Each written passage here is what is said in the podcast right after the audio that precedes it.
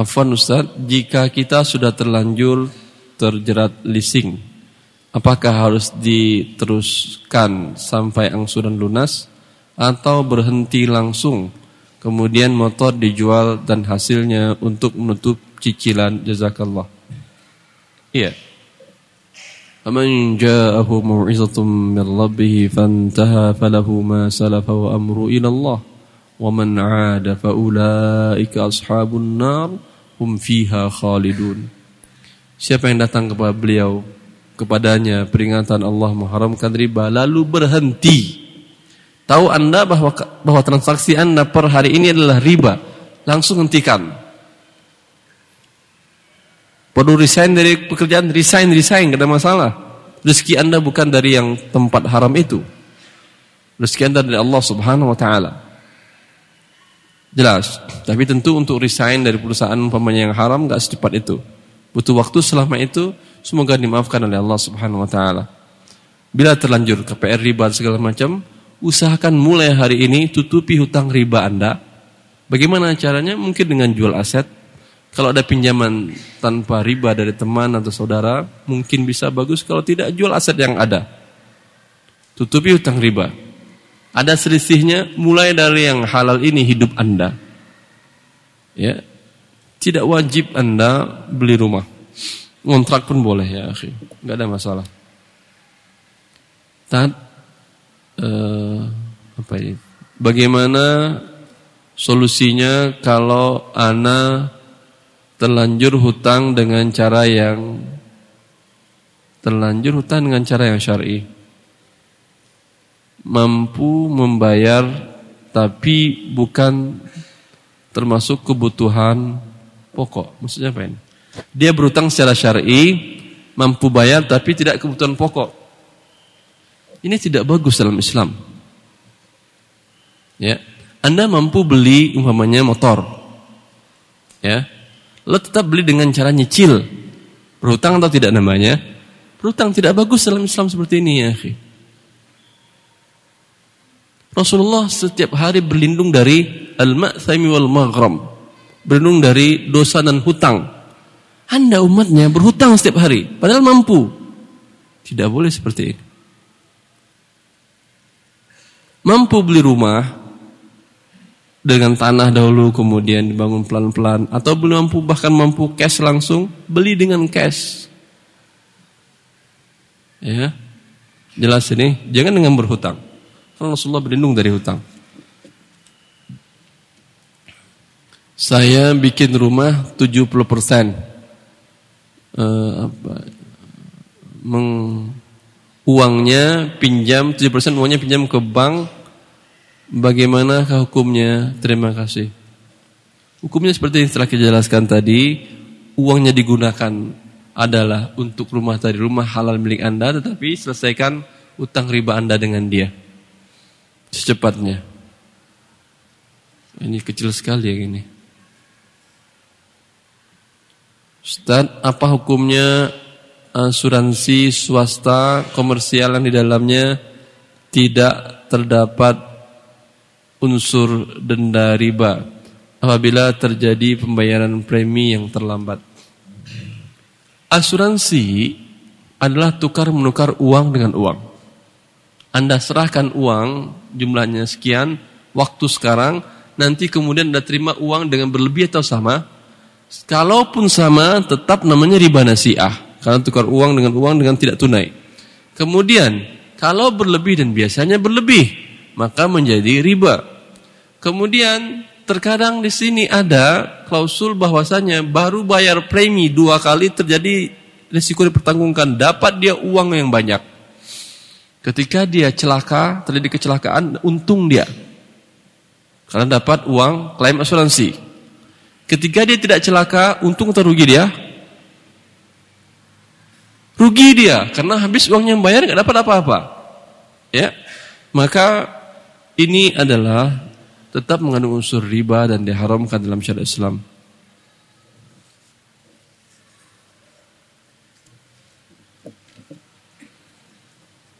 Saya membangun rumah, tetapi saya belum cukup uang untuk membangun. Saya punya teman punya toko bangunan bersedia mengutangkan apa ini?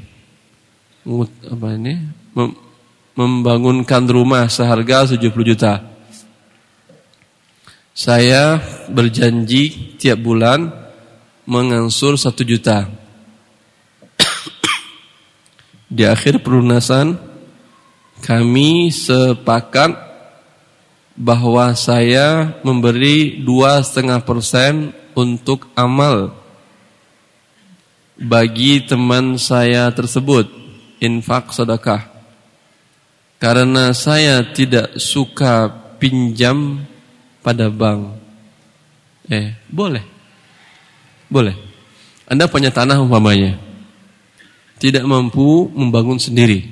Punya teman usaha toko material. Atau nggak mesti punya usaha toko material dia. Asal punya dana dia. Atau nggak mesti punya dana. Asal diketahui dan dikenal baik oleh punya toko material bisa dia ngambil dengan cara ngutang juga. Seperti yang tadi saya katakan kan ya. Untuk permodalan tadi. Bahwasanya katakan kepada dia bangunkan di atas tanah saya ini ya bangunkan di atas tanah saya ini rumah dengan spek seperti ini ya dinamakan istisna. Berapa berapa rencana anggaran biayanya? 70. Ya, 70. Saya beli dari Anda ah, dengan cara bayar 100 dengan cara nyicil per bulan sekian umpamanya. Tentu ada keuntungan untuk dia kan ya. Boleh ini. Istisna nama akadnya. Dan dibolehkan ini.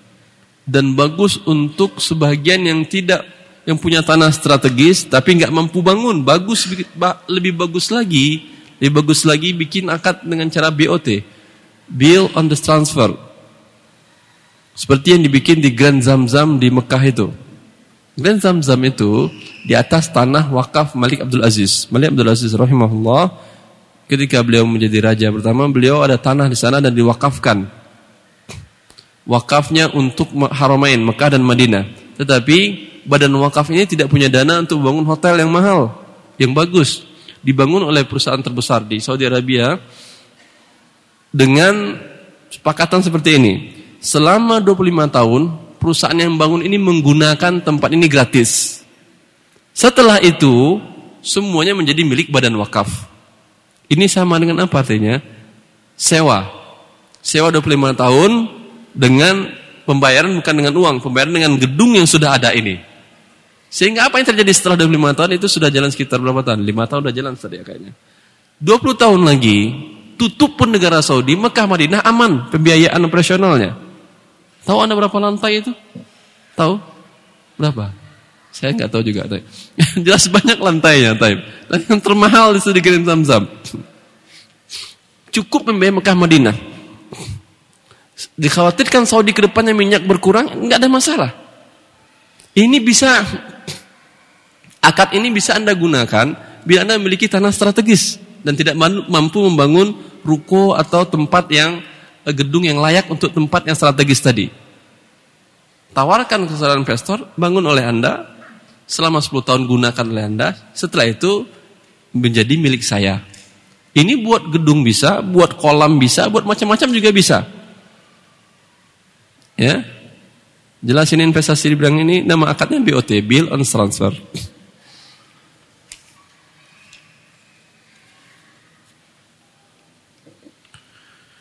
Apakah bank syariah di Indonesia betul-betul dikelola berdasarkan syariah? Tidak.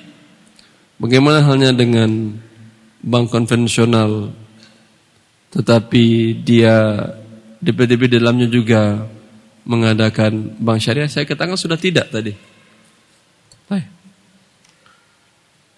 Uh, sesama pedagang kadang terjadi pertukaran barang dagangan. Umpamanya pedagang sayur dengan pedagang ikan dengan harga tertentu. Bila ikan 10 ribu maka dapat sayur senilai 10 ribu. Apakah itu dibolehkan? Boleh tukar umpamanya 10 ikat sayur kangkung dengan setengah kilogram ikan jenis tertentu. Boleh. Tukar barang dengan barang boleh. Jelas? Haruskah dikonversi dengan nilai uang? Tidak.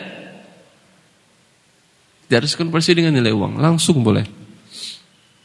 Ustaz, mohon solusi bagaimana bagaimana apabila ada suami istri yang ingin membangun rumah namun berbeda prinsip, yaitu istri tidak mau bersinggungan dengan riba.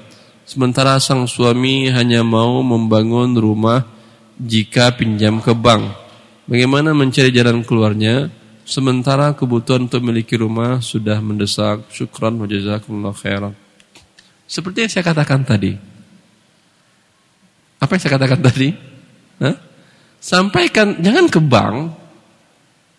Suami anda tadi sampaikan ada teman atau ada tukang material atau ada kontraktor, ya, suruh dia bangun, nyicil ke dia, lebih murah dan lebih aman dari riba. Jelas?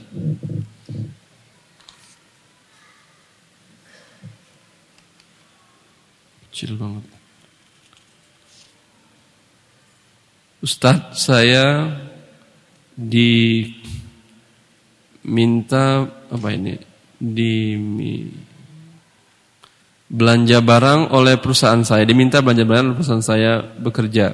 Saya sama pen, sama penjualan saya dikasih bonus, apakah bonus itu halal untuk saya? Ah, anda diminta oleh perusahaan untuk apa? Belanja barang. Lalu penjual memberikan bonus, halalkah buat saya haram? Yang beli perusahaan kenapa ente dapat untung? Kan sudah digaji Anda untuk usaha ini kan ya? Riswah namanya ini. Sampaikan ke perusahaan, kalau perusahaan setuju, udah ambillah cuma segitu doang, ya udah nggak masalah.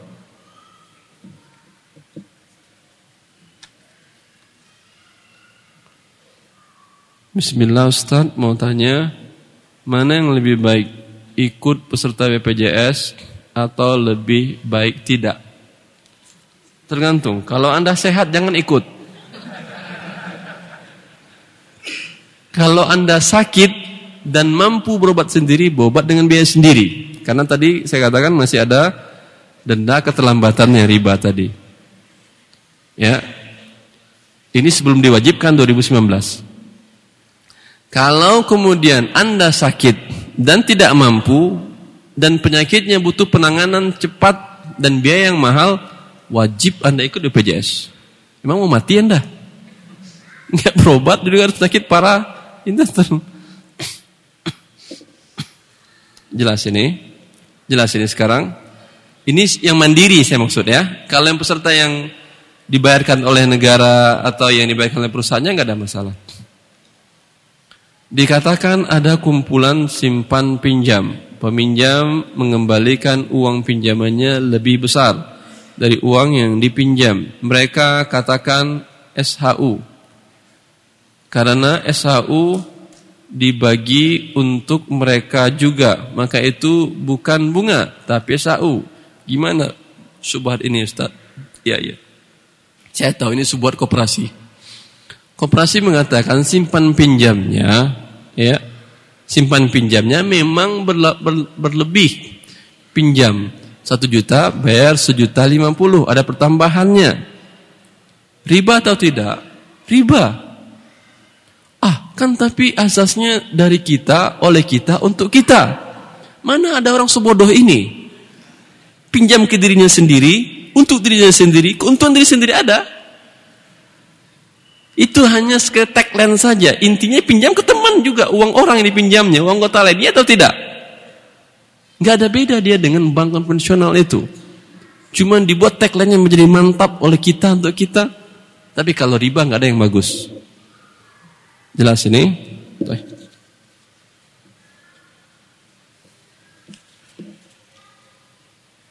Saya bekerja di perusahaan dengan tugas utama sebagai kurir. Akhir-akhir ini eh, perusahaan eh, bekerja sama dengan perusahaan apa ini penyaluran kredit KPR dan kami sebagai petugas yang menerima pembayaran angsuran. Eh petugas menerima pembayaran angsuran? Oh, apa apakah perusahaan saya termasuk menjalankan riba tidak dengan syarat perusahaan Anda hanya terima pokok utangnya. Ketika ada tambahan bunganya, jangan ke kami, ke sana, ke tempat riba. Tapi bila Anda terima semuanya, menjadi perusahaan riba juga. Ini bagaimana tesis ini? Kita baca atau gimana Kak? Masya Allah. Luar biasa, himmahnya Aliyah ya, tapi waktunya kayaknya. Nah, cobalah kita baca satu ya. Uh, Ana sering kali melakukan akad-akad yang lazim dilakukan oleh pedagang-pedagang pada umumnya, tetapi Ana tidak tahu apakah akad-akad tersebut sesuai syar'i atau tidak. Mohon nasihat Ustaz. Konsinyasi, menitipkan barang untuk dijual. Simulasi, Seseorang supplier menitipkan barang kepada Ana seharga Rp4.000 per pieces. Orang menitipkan barang ini Rp4.000 per pieces. Dan disarankan menjualnya dengan harga Rp5.000 per pieces. Terkadang juga hanya menitipkan dengan menyebutkan harga dasar dan tidak menyarankan berapa harga jualnya, bagaimanakah hukumnya. Ini penting ya satu ini, sering terjadi memang bukan saja konsinyasi eh, lima ribu per pieces, lima ribu rupiah, kadang sampai ratusan juta kan. Tolong jualkan tanah saya, tolong jualkan rumah saya. Ini kan angkanya besar. Ya. Kalau akadnya dia mengatakan tolong jualkan ini tanah dan rumah saya 100 juta untuk kamu 2%. Jelas? Berapa berarti untuk dia? Terjual 100 juta berapa untuk dia? 2 juta kan ya? 2 juta. Karena dia pintar, terjual oleh dia 110 juta. Berapa untuk dia? 2 juta juga. Jelas, kan sudah dibilang oleh dia, untuk kamu 2% dari 100 juta, bukan dari 2% dari harga terjual. Lalu kelebihannya anda sedekah ke dia, Alhamdulillah. Faham ini? Kecuali Anda katakan kepada dia, saya nggak mau seperti itu. Anda kan yang penting bagi Anda angka 98 kan ya? Iya kan? Oke. Sini harga 98, terserah saya berapa jualin. Terjual oleh saya 100, saya dapat 2 juta. Terjual oleh saya 105, saya dapat 7 juta terjual 110 saya dapat 12 juta dan seterusnya. Setuju? Setuju nggak kira-kira yang punya tanah? Hah? Kalau nggak setuju naikin angka Anda. Oh kalau gitu 100 saya, yaudah 100 nggak ada masalah. Tapi kalau nggak laku jangan salahkan saya. Nah, dalam 100 type 100. Terjual oleh dia 110. Berapa untuk yang menjualkan tadi? 10. Boleh halal. Ini berkata Ibn Abbas, bi hadza thawbi kadza fa lak. Jual pakaian ini dari saya sekian. Terserah berapa engkau jualkan. Hah? Tapi kalau kesepakatan tadi 2% atau angka yang tertentu nominal yang jelas sudah dari harga yang ditetapkan, kalau ada kelebihan haram buat Anda. Buat yang pemilik barang. Kalau dia dengan rela memberikan tambahan, alhamdulillah kalau tidak rezeki dia. Jelas ini. Tapi kalau ingin untung lebih besar seperti tadi penawarannya. Ketika dia sampaikan oleh dia jual. Ya. 2% untuk Anda, udah nggak saya nggak mau 2 persennya. Berarti Anda penting 98, terserah saya jual berapa. Hah? Baik. Gantian lah ya. Gantian, sudah kita sampaikan satu. Ini apa? Apakah bekerja di OJK Otoritas Jasa Keuangan uh, halal haram? Iya, karena dia mengatur bank-bank riba itu. Tanpa dia bank riba hidup atau mati? Mati, karena ada dia hidup dia, maka dia menghidupkan riba.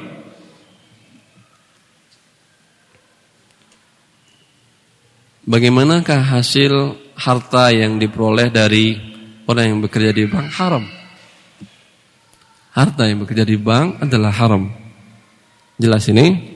Karena la'ana Rasulullah akil dari bawah mukilah wa katibu wa syahidaihi hum sawa. Rasulullah mengutuk yang makan riba. Dalam hal ini bila bank berikan pinjaman dan dapat pertambahan bunga, ini adalah riba dan ini yang digunakan oleh bank untuk sebagai profesional dan keuntungan menggaji karyawannya. Satu. Kemudian Omukilah memberikan makan. Dia memberikan pertambahan bunga juga kepada nasabah. Kemudian nasabah kan diberikannya juga bunga kan ya?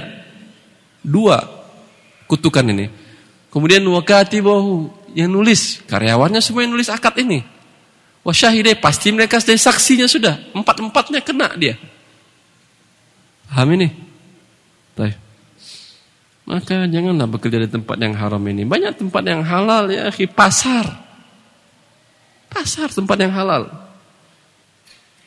Ya, Abdurrahman bin Auf ketika beliau datang ke Madinah, ya memulai usahanya, langsung tanya, dulu nih ala suk, tunjukkan aku pasar. Bukan tunjukkan mana kerja mau kerja di bank mana saya yang bagus, enggak. Ke pasar. Di sana ada rezeki Allah Subhanahu wa taala.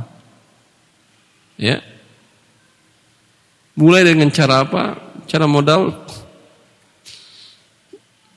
Beli barang dengan tidak tunai, itu dilakukan Rahman bin Auf. Modal kepercayaan, saya beli barang, besok saya bayar. Jual cash, masih untung karena Anda beli dari pasar pusat dari pusat perbelanjaannya, pusat perkulakannya. Pasti untung Anda itu. Jelas?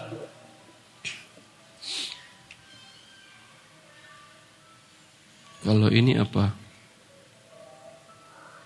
Ustadz, saya punya usaha di bidang makanan kering, makanan kering.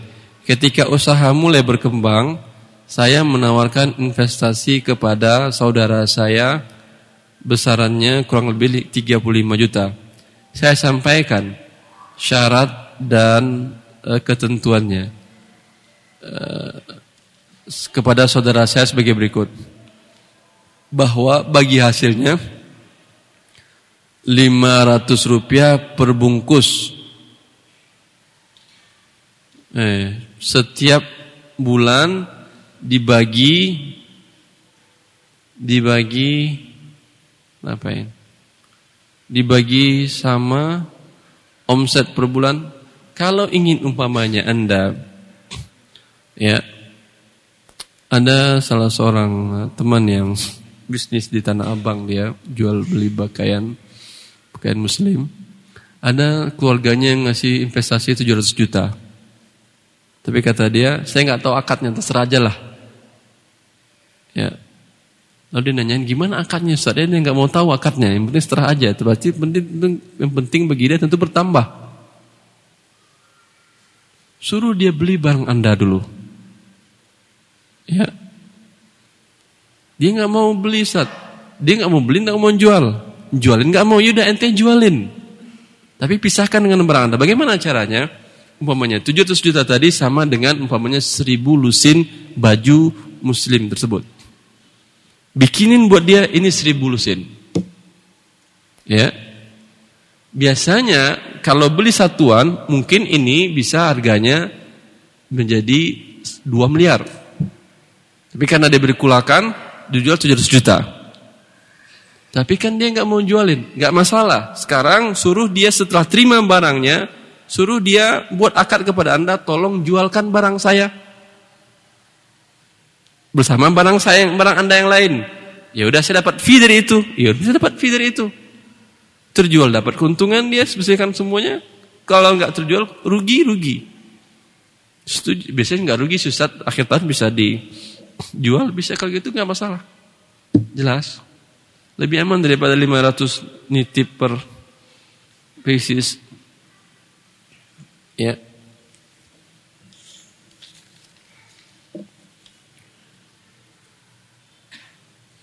Yeah.